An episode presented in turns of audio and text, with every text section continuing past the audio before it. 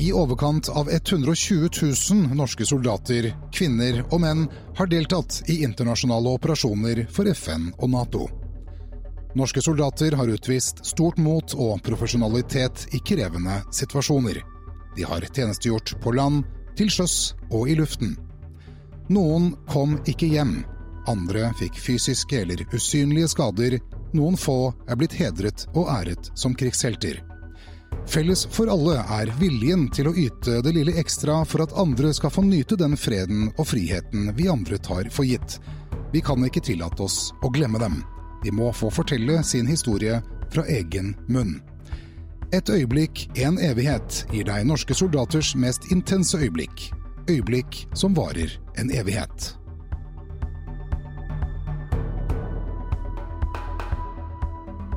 Det kan være at du er 300 meter fra hverandre, og så ser du situasjonen helt annerledes. Og jeg har vært i minefelt hvor jeg føler at det er nok en dag på jobb, mens den andre tenker at eh, i dag kan være min siste dag. Ja, velkommen til et øyeblikk en evighet. I denne episoden skal vi snakke om det å være veteran etter tjenesten. Og med meg i dag så har jeg eh, Glenn Andersen. Ja. Velkommen til deg. Tusen takk. Du, eh, du er fra Fredrikstad. Ja. Og, eh, og, i dag så jobber du med svømmehaller av alle ting. Ja, jeg har blitt sivil og jobber med, med svømmehaller i Fredrikstad kommune. Men en gang i tiden så begynte jo du i Forsvaret. Ja. Da er vi tilbake i 1996 eh, med førstegangstjeneste. Eh, og så har det blitt nærmere 20 år tjeneste etter det, før jeg da ble sivil. Så du har fått vært med på noen kontingenter da, vil jeg tro? Ja, det er vel en seks-syv kontingenter. Det starta i 1998 i Libanon, og så gikk jeg egentlig rett derfra til Ungarn og Bosnia, noen få dager imellom. Derfra gikk turen videre til Kosovo, hvor det også var noen få dager imellom. Var der i et år. Og så har det vært eh, Irak og Libanon, nei, Irak og Afghanistan etter det. Ja, du har vært rundt? Ja, jeg vil si det. Hva tenker du nå i ettertid, vi skal se tilbake på den tjenesten du har. Altså, hvor, hvor, veteran er du? Jeg er vel veteran hver dag. Jeg, jeg, føler på det Jeg vil si hver eneste dag så er det noe som minner meg om tjenesten. Og hvis det er definisjonen å være veteran, eh, både å bli minnet på tjenesten og bruke tjenesten, så, så er jeg veteran hver eneste dag. Hvis du snakker om å bruke tjenesten, hva tenker du på da? Det er å bruke de erfaringene jeg har eh, opparbeida meg. Eh, den kunnskapen jeg har fått, om det er kursing eller om det er eh, leksjoner, til da de menneskemøtene både med kollegaer og med, med lokalbefolkning. Det, det har jeg tatt med meg.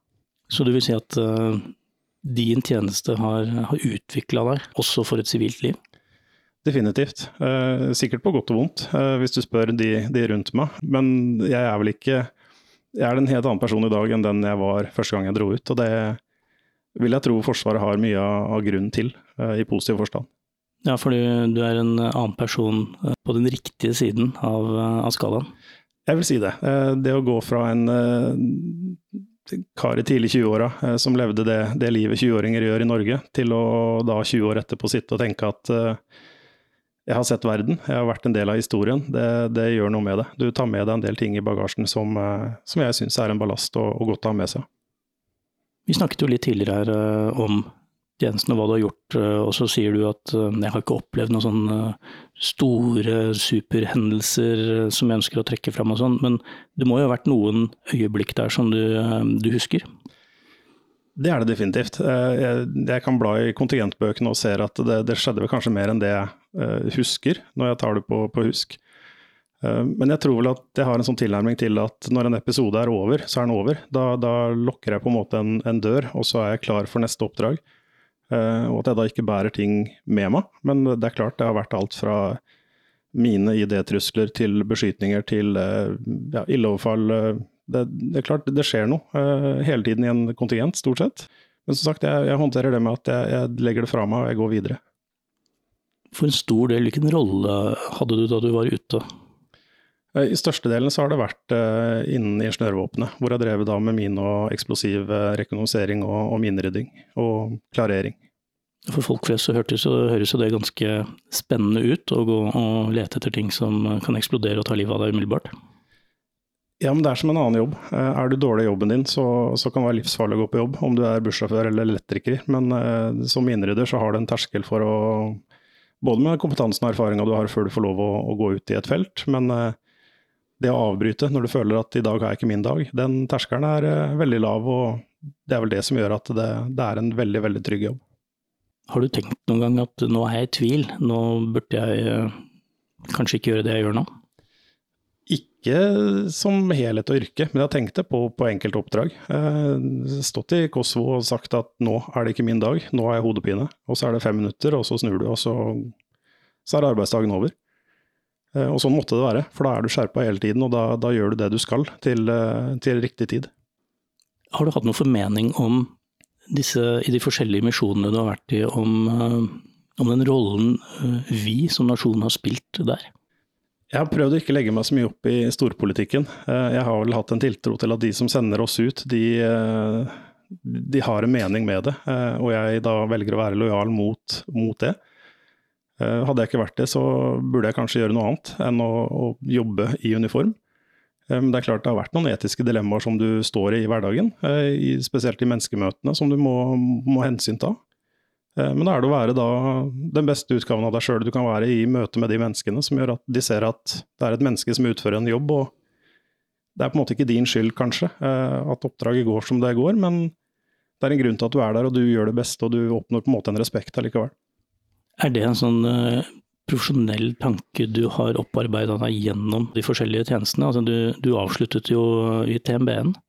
Jeg eh, avslutta ikke i TMB-en, det var i Hærens våpenskole som instruktør. Definitivt. Når jeg reiste til Libanon, så var det litt sånn naivt, hva er det her? Så måtte jeg lære å, å være intops. Og så har jeg vel lært litt av det å være intops i alle kontingentene. Og jeg, jeg, jeg har vokst på det, definitivt som 22-åring da han reiste ut, så det var, eh, det var, ikke idealismen. Det var eh, litt pengene. Det var litt det å, eh, å komme seg ut, sol og varme. Forsvarets solreiser var på en måte et begrep som jeg hadde hørt lenge før jeg dro til Libanon, og kunne bekrefte når jeg kom ned at det, det stemte mye av det. Samtidig som at du var en del av verdenshistorien. Det, det, det skjedde ting rundt deg som gjorde at du så at her, her, er jeg med på noe spesielt. Det her kommer til å stå i historiebøkene seinere. Den historien jeg nå opplever, den er det noen som kommer til å ønske å, høre en dag. Som gjør at vi kanskje sitter her i dag. Hvis du skal begynne å se tilbake på hvem du var da du reiste ut første gangen, og hvem du var da du kom hjem etter siste deployering, er det den samme person? Nei, jeg vil ikke si det. Eh, hvis du spør de nærmeste familie, så har de en tanke om det. Spør du de, den omgangskretsen jeg hadde når jeg reiste ut, så vil de si noe. Men det var ganske tøft å komme hjem fra Libanon og innse det at jeg hadde forandra meg veldig mye på seks måneder. Eh, og fikk et konkret, eh, eller en, en uttalelse fra en kompis at vi savner den gamle Glenn. Vi håper at du kommer tilbake igjen som deg sjøl. Hvorpå jeg sa at det kommer jeg aldri til å gjøre. Jeg har forandra meg. jeg har gått videre. Og så avslutta vi kanskje et vennskap eh, med den samtalen. Og det, det føltes riktig den gangen, og det føles riktig i dag. For uh, hvis ikke jeg blir akseptert for den jeg er og det jeg har erfart, så, så, må jeg gå videre, rett og slett. Hvis du ser rundt deg og ser veterankollegaer, så sa du før her at noen av de, noen av de sliter jo. Mm. Hvilke tanker gjør du deg rundt det? Jeg har vel en forståelse og en respekt for at deres historie er det de som opplever, og det er de som har erfart. Eh, og det kan ha vært at vi, det, vi har vært de samme stedene, eh, og så har vi en forskjellig oppfattelse av hva, hva har skjedd. Vi har forskjellig bakgrunn. Eh, den sekken vi har med oss, den har vi forskjellige ting i, som gjør at ting kan trigges. På en måte hos meg, og en annen måte hos andre. Men det er klart det er vondt å se at folk du har stått skulder til skulder med, sliter, og at livet deres er ødelagt, mens en sjøl tenker at jeg har bare lært, jeg har bare hatt gode erfaringer. Eh, og du på en måte har gått videre med, med glans og bravur, på en måte. Vi, vi, snakket litt om det før opptak her, at uh, en episode som du opplevde som egentlig bare en, en, fin dag på jobben, det var en positiv ting. Dere hadde stoppet en hijacking. Og så hørte du en kollega som hadde opplevd det helt annerledes. Ja, det, det er sånne småting. For det, det, kan være at du er 300 meter fra hverandre, og så ser du situasjonen helt annerledes. Uh, og jeg har vært i i mine felt hvor jeg føler at det er nok en dag på jobb, mens den andre tenker at uh, i dag kan være min siste dag. Uh, og det, det, er viktig å ikke undergrave at vi har da forskjellige oppfattelser av det. For igjen, vi, vi, har en, vi, har med oss en bagasje når vi reiser ut i Intops, og for hver gang vi er ute og opplever ting, så har vi med oss mer og mer bagasje. og det, det er da spørs hvordan vi på en måte bruker det. Mange vi snakker med her på Et øyeblikk i evighet, har jo opplevd mye rart. Og alle vi som har vært ute, har jo også vært veldig opptatt av oppdraget. Fikk du noen gang tid til å reflektere av det som skjedde rundt deg? Altså hvordan sivilbefolkningen hadde det, hvordan landet du var i, hvilken tilstand det var i? Ja, det, i Libanon så var det veldig nytt alt sammen. Eh, på de første seks månedene så brukte jeg egentlig veldig mye av tida bare på som sagt, å lære å være intops. Og så når alt var over, så ble det litt sånn snytt for hele opplevelsen at eh, oi, nå, nå var det her ferdig. Men når det kom til Kosovo, hvor eh, en del av oppdraget var at den ene delen av befolkningen skal beskyttes, det er derfor du er der, og så endrer det seg i løpet av få måneder, eh, hvor situasjonen snus eh, helt på hodet. Det er klart, at da er du en del av storpolitikken, hvor mennesker du en uke skal beskytte, og neste uke så skal du beskytte noen andre mot de samme menneskene og både Irak og Afghanistan òg, det er klart. Det er, men, men, det er de menneskemøtene som jeg på en måte, det har vært min temperaturmåler på, på konflikten. At hvis de rundt oss syns at vi er eh, ålreite mennesker som tilfører noe, så har det vært en, en, måte, en sånn godhet og en trygghet. Eh, og da, da, forsvinner storpolitikken. Da får de gjøre som de vil. Jeg skal være på et gitt sted til en gitt tid. Og da er det opp til meg og mine å, å, å gjøre det vi kan for at folk rundt oss skal ha det bra. Selv om vi også er der av en militær årsak, selvfølgelig. Har du hatt noen tanker rundt det at du kommer til et annet land med, med bevæpning? Altså, du er jo du er en part, eller en nøytral part, alt ettersom, men du er der. Uh, og kan vippe en situasjon den ene eller andre veien. Gjorde du deg tanker om det noen gang? Ikke jeg som person, men det er klart som, eh, som avdeling, eh, en stor, tung væpna avdeling. Det skal ikke mye til for at ting kan eskalere. Men jeg tror at den, den norske sunne bondevettet den tilnærminga vi nordmenn har til de episodene vi står i, er noe helt annet enn mange allierte. Og at vi, vi kan strekke strikken veldig mye lenger. Eh, og når han først ryker, så er vi på en måte alle sammen veldig trygge på at ok, nå, nå må vi bruke militærmakt. Nå må vi bruke vold som middel for å oppnå noe. Men at vi da fram til det har en, en helt annen type tilnærming. Som jeg, som jeg, tror også blir lagt merke til ja, de, de lokalbefolkningene i de landa der vi har vært. Hva var det vanskeligste oppdraget du hadde? Jeg, jeg, vil ikke si at noen er vanskelig, det spørs hva du definerer som vanskelig. Om det er på en måte, det kan være hjemlengsel, det kan være vanskelig. Eh, det å føle seg litt sånn håpløs at vi blir ikke brukt til det vi skal, det vi kan, eh, det kan være vanskelig. Men det som kanskje har gått igjen, er litt den, den trusselen for hva er det som eh, kan ramme oss. Og da i og med at vi har jobba med, med, miner og eksplosiver, så er det kanskje det at du, du vet aldri helt hvor det smeller hen og hva det kan være. Som både er på en måte interessant og spennende for en fagperson, men som er en sånn usikkerhet. og Small arms fire, det, det kan du håndtere. Eh, mens de nedgrada eksplosivene, det er klart det har vært noe du har tenkt på at uh, det her kan ramme oss også. Vi har, hatt, vi har opplevd å ta tap på våre misjoner, spesielt fra, fra ID. Mm.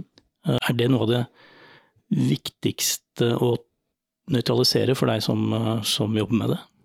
Det var i hvert fall det jeg tenkte eh, som lå lengst fram i hodet. Eh, og jeg har jobba mange år på, på våpenskolen, Hærens våpenskole, eh, som instruktør bl.a. i det her. Hvor vi har utdanna soldater som har deployert etter at jeg avslutta min Intops-karriere, sånn sett, i 2007. Og det er klart, en, en, infanterist han kjemper for sitt fagfelt, og en ingeniør kjemper for sitt. Men for meg så har det vært viktig å bruke min erfaring helt egentlig fra Libanon og gjennom de andre misjonene til å fortelle da eh, de unge og gamle som reiser ut dette her er en trussel. Vi vet ikke hvor han dukker opp, når han dukker opp. Eh, om ikke det brukes i dag, så kan det brukes neste uke. Så det er klart For meg så har det vært en stor del av min militære karriere å, å leve med en sånn type trussel, og, og, prøve å lære bort det jeg har av kunnskap. Hvordan legger du fra deg denne si, trusselfølelsen når du eh, spaserer rundt i gatene i Fredrikstad ferdig med alt? Jeg har lagt den fra meg, men det er klart sånn som på hører jeg et, et smell, så, så, er det en del sånn TTP-er eller teknikker og prosedyrer som, som, trigger i hodet mitt at ok, hva, hva, hva, hva tenker kroppen min nå? Eh, og så må hodet fortelle at eh, ok, den, den, refleksen her, den legger du fra deg, og så Det var bare, eh, og så går du videre. Eh, og det, det, tok jo selvfølgelig litt tid å bli vant til. Første gang jeg kom hjem fra Afghanistan, nei, fra Libanon på, på permisjon, eh, og ikke går over gressplenen Eh, men går gangveien rundt, så er det klart da står mor og lurer på hva skjer nå. Og det var helt ubevisst, men du, du legger deg til noen sånne vaner. Som sagt, jeg, jeg, har skrudd av veldig mange brytere, men jeg føler vel også at hvis det trengs, så kan jeg skru den veldig fort på. Har du noen gang kjent på det etterpå, at det var, det var bra. Jeg, det, den erfaringen jeg har nå, den er bra. Den kommer jeg til nytte nå i det sivile. Den tror jeg kanskje jeg kjenner på, om ikke hver dag, ukentlig. Det er alt fra mennesker jeg har møtt som har påvirka meg positivt, av kollegaer, av ledere. Sitter i dag i en mellomlederstilling sjøl og gjør både gode og ikke så gode ting. og da er det lett å skimte tilbake til de lederne jeg har hatt i Forsvaret med ok, hva, hva, er det som gjør at den personen stakk seg ut? Hva er det med det lederskapet jeg har lyst til å adoptere eh, overfor de jeg nå leder? Eller da det kameratskapet om eh, de som påvirka meg, rett og slett. Så jeg har det med meg veldig ofte. Hva savner du mest fra tiden i Forsvaret, sånn helt, helt generelt? Det er det å få lov å bidra. Det, det, å bruke min kompetanse, som en gang var eh, ferskvare, som kanskje er det i dag òg, det vet jeg ikke. Men eh, det å, å få bruke av seg sjøl for å i ytterste konsekvens eh, sørge for at andre kommer helskinna hjem, det, det, er vel det jeg savner. Er det noen konkrete ting du savner? Det, det, er litt enkle kameratskapet. Det med at alle rundt deg vet uh, nesten hva du skal si i neste setning. Du slipper å si så mye, egentlig. Uh, for, mens i det sivile så er det mer at du du, du, kommer inn med, med, så mye forskjellige personligheter, så mange ulike innfallsvinkler og bakgrunner og motivasjoner. Mens i Forsvaret så er det, hvis ikke alle hadde hatt interesse av å gå i uniform, så, så hadde vi ikke vært der. Og allerede der starter det på en måte et fellesskap som egentlig er unikt og, og veldig, veldig sterkt og stort. Hvis du skulle kronologisk gå gjennom alle misjonene dine, og så skal du plukke ut den som har betydd mest for deg for den du er i dag, hvem blir det? Det må vel kanskje være i Irak i 2004.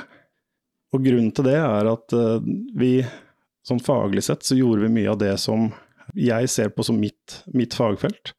Det var ikke så veldig mange av oss som hadde erfaring fra Intops tidligere innenfor da eh, mitt fagfelt, som gjorde at du fikk en, en, en god rolle. Folk så opp til deg, du fikk lov å på en måte utøve fagfeltet ditt. Og så var vi en veldig liten gjeng nordmenn eh, i den irakiske ørkenen, og det, det, det, gjorde noe med oss. Eh, det ble et sånn kameratskap og veldig tett knytta til hverandre. Og det Selv om det ved alle kontingentene så ville jeg kanskje trukket fram forskjellige ting, men akkurat sånn samla sett, så Der tok vi lille Norge litt ut. Eh, og så tok vi veldig mye av Irak med oss hjem, veldig mange av oss. Og det, så det, det satte spor. For da kommer jo neste spørsmål, selvfølgelig. Hvis du fritt kunne reise tilbake til et av de landene du har vært deployert til, hvilket ville du valgt da? Det kommer helt an på hva jeg skulle gjøre i det landet. Om det hadde vært jobb eller uh, ferie. Jeg har en, en, drøm om å kunne reise tilbake til alle de stedene. Og se absolutt alle de samme byene og kneipene og fjelltoppene og dalførene og bekkene. Mens Libanon er vel kanskje det som ligger hjertet nærmest, selv om det er der jeg kanskje var lengst unna der jeg er i dag. Men, men, men, det er noe med Midtøsten som, som, trekker på en måte meg den veien. Både mat, drikke, musikk, hele kulturen. Det er noe sånn mystisk med det som jeg er så glad for at jeg har fått oppleve og vil ha mer av, rett og slett. Som veteran, er det vanskelig for deg å snakke med ikke-veteraner om ting som kunne vært aktuelt? Ikke vanskelig, men det er ikke sikkert alle er så interessert i å høre, så det spørs hvor spennende det er. Men uh, jeg har vel aldri vært en som er så glad i å snakke om det, det annet enn til de som på en måte har en forståelse for hva jeg eh, sier. Familie og venner eh, hjemme de vet kanskje ikke så mye om, om, meg og hva jeg har gjort, eller kollegaer i dag, eh, sivile kollegaer. Mens med de militære kan det gå ti år mellom hver gang vi snakkes, men når vi snakkes så trykker vi på en bryter og så er vi tilbake igjen, og så er det på en måte ikke noen nag til at nå er det ti år siden du snakka med meg sist, men det er helt annen uh, måte å snakke med andre veteraner på som har vært det samme stedet og opplevd det samme som deg. Det, det tror jeg veldig mange andre veteraner og militære for øvrig også kjenner på. Er det noe du kan si til uh, våre andre veterankollegaer der ute som, uh, som, kanskje kunne ha lyst til å prate med noen? Er det, noe, er det noen grep de kan gjøre? Det kommer litt an på hva du egentlig trenger å prate om. Jeg har ikke ting jeg trenger å prate om sånn for å få fram vonde historier eller at jeg vil at andre skal forstå meg bedre. Jeg, jeg bruker det heller som en sånn positiv greie at jeg bruker å selge meg sjøl og min erfaring som veteran for å kanskje tydeliggjøre et budskap. Eller å fortelle hvorfor jeg har staka ut en vei, eller hvorfor jeg mener, eller hvorfor jeg sier. At uh, jeg viser at uh, det her er ikke noe jeg bare sier, men jeg har levd 20 år i Forsvaret. Jeg har vært uh, i mange misjoner og kontingenter og på en måte levd mye av det jeg snakker om. som litt sånn for å skape en større troverdighet, kanskje. Du kunne jo fortsatt i Forsvaret, du begynte på befalsskolen. Er det noe du tenker på i dag, at det kunne vært en annen vei? Jeg har tenkt på det, men jeg skulle vel Jeg, hadde ikke lyst, jeg har ikke lyst i dag at det går den samme veien. Jeg hadde en drøm om å bli politi, men som fargeblind så fikk jeg ganske kjapp avslag på den søknaden. Guttedrømmen var å bli jagerflypilot, som også ble skrinlagt pga. fargesyn og veldig mange andre ting. Men jeg har vel aldri kunnet tenkt at jeg har gjort noe annet når jeg først begynte og fikk smaken på, på det livet. Så, så, var det det jeg trodde jeg skulle gjøre til jeg, til jeg ble pensjonist. Du endte jo opp som fagperson i en profesjonell avdeling, får vi si. Mm. Var det en brå overgang fra det du har gjort tidligere? Ja, på mange måter. Det snakkes mye om at uh, de tidligere oppsetningene, tidligere misjonene, så var vi så dårlig trente. Burde aldri vært sendt ut med det, så lite treningsgrunnlag og alt det. Men jeg tror ikke en profesjonell avdeling som Telemark bataljon i dag nødvendigvis hadde gjort den samme jobben som vi gjorde i Libanon i 1998, eller tidligere, eller andre steder. For det å samle norske kvinner og menn fra by og bygd og, og gi dem på en måte et krasjkurs i å være soldat og sende de ut, da tar vi med oss mer av oss sjøl og mindre av en felles trening, eh, som jeg tror at har vært en, en styrke. Samtidig som at jeg er veldig stolt og glad for at vi er så gode i dag til å utdanne de soldatene vi sender til, eh, til de konfliktene som vi er i i dag. Som representant for en av eh, det vi kan kalle foroverlent støttefunksjon i, eh, i en militær oppsetning, tenker du noen gang på at noen veteraner er mer veteraner enn andre? Det, det, er de nok. Eh, mange setter vel kanskje, eh, om de setter stempelet på seg sjøl eller andre setter stempelet, hvis du kan kalle det et stempel, men at eh, jeg er først og fremst veteran, og så har jeg et eh, navn, og så har jeg en sivil jobb eller et sivilt liv. Det kan være tungt å se på. Eh, at noen ikke på en måte kommer seg ut av en form for en boble. Og det å ikke kunne skru av en sånn bryter og på en måte skru på det sivile livet igjen, det, det er det en del som sliter med. Eh, og det, det må være tøft. Eh, mens en annen velger å på en måte skru av og på bryteren når, det, når, du ønsker å oppleve som jeg sa, god mat, eh, eller et hyggelig møte, eller en reise, eller en erfaring du bruker i jobb eller andre ting. Ville du gjort det igjen? Hvis du var Glenn før du reiste ut, ville, ville du gjort alt det på nytt igjen? Jeg ville gjort absolutt alt en gang til på akkurat samme måte. Samtidig som jeg skulle ønske jeg kunne nå som 44-åring reise til Libanon og vi spoler tilbake i 1998. For uh, alt det han har lært på veien, det, det skulle han gjerne ha brukt. Uh, samtidig som at da hadde en kanskje ikke holdt ut alle de åra. Så det, det, er noe med det. Men uh, nei, det, har, det, har vært en, for meg en fantastisk reise. Jeg har møtt så mye mennesker, både sivile og da kollegaer, som har påvirka meg, og som jeg tar med meg i smått og stort hver eneste dag. Så jeg ville gjort akkurat det samme igjen, jeg vil si det. Hvis vi skal ta skrittet ut fra den lille boblen som er Glenn, og så begynne å se på omgivelsene. Hvordan tror du kretsene rundt deg ser på deg som tidligere soldat? Noen blir overraska når de hører at jeg har en bakgrunn fra Forsvaret, og at jeg har tjenestegjort ute. Noen ser det på meg. Eh, det kan være at du møter folk i en butikk, og så får du et anerkjennende nikk av noen, og så kommer du i prat, og så ja, jeg ser at du har jobba i Forsvaret.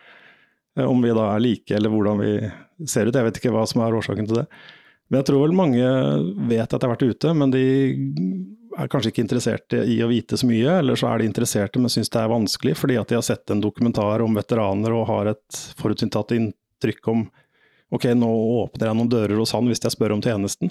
Men så er det noen som er eh, litt nysgjerrige, som ønsker å få litt. Og så er jeg ikke en sånn som deler hvis ikke jeg på en måte blir spurt, men eh, er det noen som spør, så deler jeg gjerne historien min. Jeg er ikke redd for det.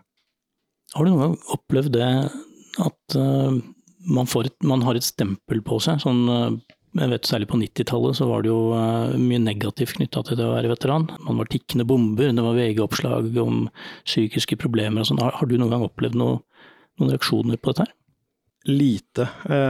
litt kanskje fordi at jeg klarte å distansere meg fra de personene som da kanskje har enten stått fram eller blitt løfta opp og tenkt at det er døms historie. min historie er annerledes. Men, men, det er vanskelig når du begynner å snakke om det med, med anerkjennelse. Om eh, hva, hva, er anerkjennelse, eh, og hvem skal du ha det fra, og hvem er det som ønsker det og ikke ønsker det. Så jeg, jeg, klarer ikke helt å identifisere meg med mye av den, den veteranpraten som egentlig foregikk på 90-tallet. Og jeg syns det er litt sånn rart i dag, og vanskelig å se på i dag, at det er noen som ikke vil innrømme at de er veteraner. De syns det er vanskelig fordi at de, de, mener at det er et stigma rundt, eller det er et eller annet stempel. Eh, men for meg så er det egentlig bare en, en samlebetegnelse på at jeg har tjenestegjort i utlandet og har en hel masse erfaring. Eh, og så er det opp til meg da å, å definere det veteranbegrepet overfor de som på en måte er rundt meg. Du var akkurat inne på det med dette med anerkjennelse. Det har jo også vært et ganske hett tema blant eh, veteraner. Har du blitt anerkjent nok? Alle er vi veldig glad i et klapp på skuldra og en tilbakemelding på den jobben du har gjort. Men det viktige er at det kommer fra rett person, eller rett organisasjon eller institusjon. Det å stå på en en, en, avslutning, en medaljeparade, og få høre at uh, dere er den beste kontingenten som noensinne har vært deployert, eller når du skal reise ut, dere er den best trente avdelingen noensinne. Det er for meg ikke anerkjennelse. Det, det er bare det, det språk jeg ikke forstår. Men det å, å få den medaljen har kanskje vært den største anerkjennelsen jeg personlig har følt på. Det å kunne både som når jeg var tjenestegjørende nå som sivil også, kunne ta på seg gallauniformen og ta på medaljene. Eh, det, det, gjør noe med meg. Det, det, jeg henter fram en stolthet som jeg ellers ikke på en måte bærer til daglig. Men jeg, jeg tror kanskje det at eh, når vi ikke klarer å definere hva som er veteranbegrepet, så klarer vi heller ikke å, å anerkjenne veteranene, fordi at er så, begrepet er så stort og behovene er så mange. Det har jo vært eh, mange forsøk fra spesielt Forsvarets side på å gi anerkjennelse utover medaljene. Har du opplevd noe av det? Synes vi kanskje det å Tilbake til kontingenten vår i Irak, så, så gikk debatten på hvem, hvem, er dere? Eh, er vi et humanitært bidrag, eller er vi en militær avdeling som utfører humanitære bidrag? Og så ble det en politisk debatt her hjemme som resulterte i at det ble klart at vi ville ikke få noen medalje fra den kontingenten. Eh, og da kjente jeg på en sånn urett som gnagde i meg. At jeg kan ta med alle minnene mine hjem, men det mangler en plass på uniformen min eh, som viser alle andre at eh, ok, der var du. Så den, den, uretten den kjente jeg på, mange av oss, og vi gjorde vel noen støt der som gjorde at vi til slutt fikk en, eh, en medalje for den kontingenten. og det, da, da kjentes det ekstra godt etterpå å få det. Hvis du skal hypotetisk sett tenke på å reise ut igjen, hvilken setting måtte til da for at du skulle dra ut? Først og fremst måtte det vært en avklaring hjemme, selvfølgelig. Det med å ha små barn, det, det gjør jo ting eh, både Det er både komplisert på en positiv og negativ måte. Det, det gjør at du må legge noe bak deg, men eh, så ser du også at ok, kan det være en mulighet i framtida når barna blir større, f.eks. Men det som skal til, er eh, at igjen, det, det med anerkjennelse. Det med hvis Én ting er å anerkjenne etter et oppdrag, men det å anerkjenne mens du er tjenestegjørende, det har for meg vært eh, noe jeg har følt på det siste. At eh, den dagen jeg sa opp i Forsvaret, fordi at jeg da hadde vært ute i permisjon og ikke kom tilbake igjen, eh, når min kompetanse da ikke er etterspurt, og ikke er ettertrakta, er det da jeg som skal søke meg inn igjen? Det største anerkjennelsen der ville kanskje vært hvis noen hadde ringt meg og sagt vi trenger akkurat deg, med din kompetanse. Og Da tror jeg kanskje det har vært lettere å forsvare overfor både familie og alle rundt meg at uh, nå er det min plikt og ære å stille opp, fordi at noen trenger meg enn at jeg på en måte skal egenhåndig si at nå trenger jeg en tur til, uh, som en egoistisk handling, kanskje. Er det noe du tenker på om uh, i, i forhold til den sivile jobben du har nå? Du, så du for deg f.eks. at du skulle jobbe med svømmehaller da du drev og rydda miner? Nei, aldri når jeg var aktiv eh, ute eh, og også kom hjem, så, så hadde jeg vel hele tida tenkt at jeg kommer til å ende opp et sted i verden i en humanitær organisasjon hvor jeg jobber som supervisor og fortsetter å jobbe med det samme fagfeltet. Men så, får du familie, og så ser du at eh, det her blir kanskje enda vanskeligere da enn å jobbe i Forsvaret med, med ukependling. Så var det det å da tenke hva, hva skal jeg gjøre? Eh, og så var det litt tilfeldig at det egentlig dukka opp en stilling i Fredrikstad kommune. Og det var vel at det var en stilling i Fredrikstad kommune jeg eh, først tenkte på. Eh, jeg har vært en glad bader, men jeg hadde ikke peiling på å drive svømmehaller. Og nå fire år etterpå jobber fortsatt med å få peiling. Men, men det å igjen, den plikt og ære. Hvis noen i Fredrikstad kommune kunne trenge meg, og jeg sender inn en søknad, og de tilfeldigvis plukker ut meg av den bunken, ja vel, da, da kan jeg gjøre en innsats for kommunen jeg bor i, eh, kommunen jeg på en måte skatter til og er avhengig av. Og da var det en sånn en god følelse av å faktisk eh, jobbe i det offentlige, og ikke en privat bedrift, f.eks. Syns du det er en uh, liten tanke å sende utover landet, at kommunene burde kartlegge mer hvilke ressurser de sitter på i forhold til ja, veteraner? Definitivt. Veldig mange kommuner gjør det jo i veteranplanene sine når de skal utvikle de, at de, de vet akkurat hvem de er og hvor mange det er. Uh, men det er vel veldig få som ser på hva, hvilken ressurs er det. Har du ti kontingenter, så har du antagelig lært veldig mye på de ti kontingentene som gjør at du, du, kan nyttes, om det er i en krisestab i en kommune, eller om det er i en beredskapsorganisasjon, eller eh, bare at de på arbeidsplassen vet at her har vi en kollega som, som, har en bakgrunn, som har en kompetanse som kanskje er helt unik, som vi ikke trenger i hverdagen, eh, men som være seg at i krise så kan det være at det er kjekt å vite om hvem du faktisk jobber sammen med. Litt sånn i i krisetilfelle knusglasset-person? Ja, og det, det er vel litt sånn oppfordringa mi også til eh, arbeidsgivere å faktisk i, i, søknadsprosesser se på den søknadsbunken. Ikke bare har personen avtjent verneplikt, ja nei, men hva står det i den, eh, det tjenestebeviset? Eh, hvem er den personen her? Hva er det den personen mangler, kanskje faglig, men hvor det er andre ting. Da. Og Det er vel kanskje derfor jeg også sitter som sivil i dag, fordi at jeg har en arbeidsgiver som, som så at her var det noe annerledes enn mange andre søkere. Eh, og Det ble også et tema både under intervjuet og, og i etterkant. og det, Jeg er stolt av da at den bakgrunnen jeg har, faktisk gjør at jeg kan uh, kjempe om en sivil jobb, fordi at jeg, ja, fordi at jeg tydeligvis har, en, har gjort en god tjeneste og en god innsats.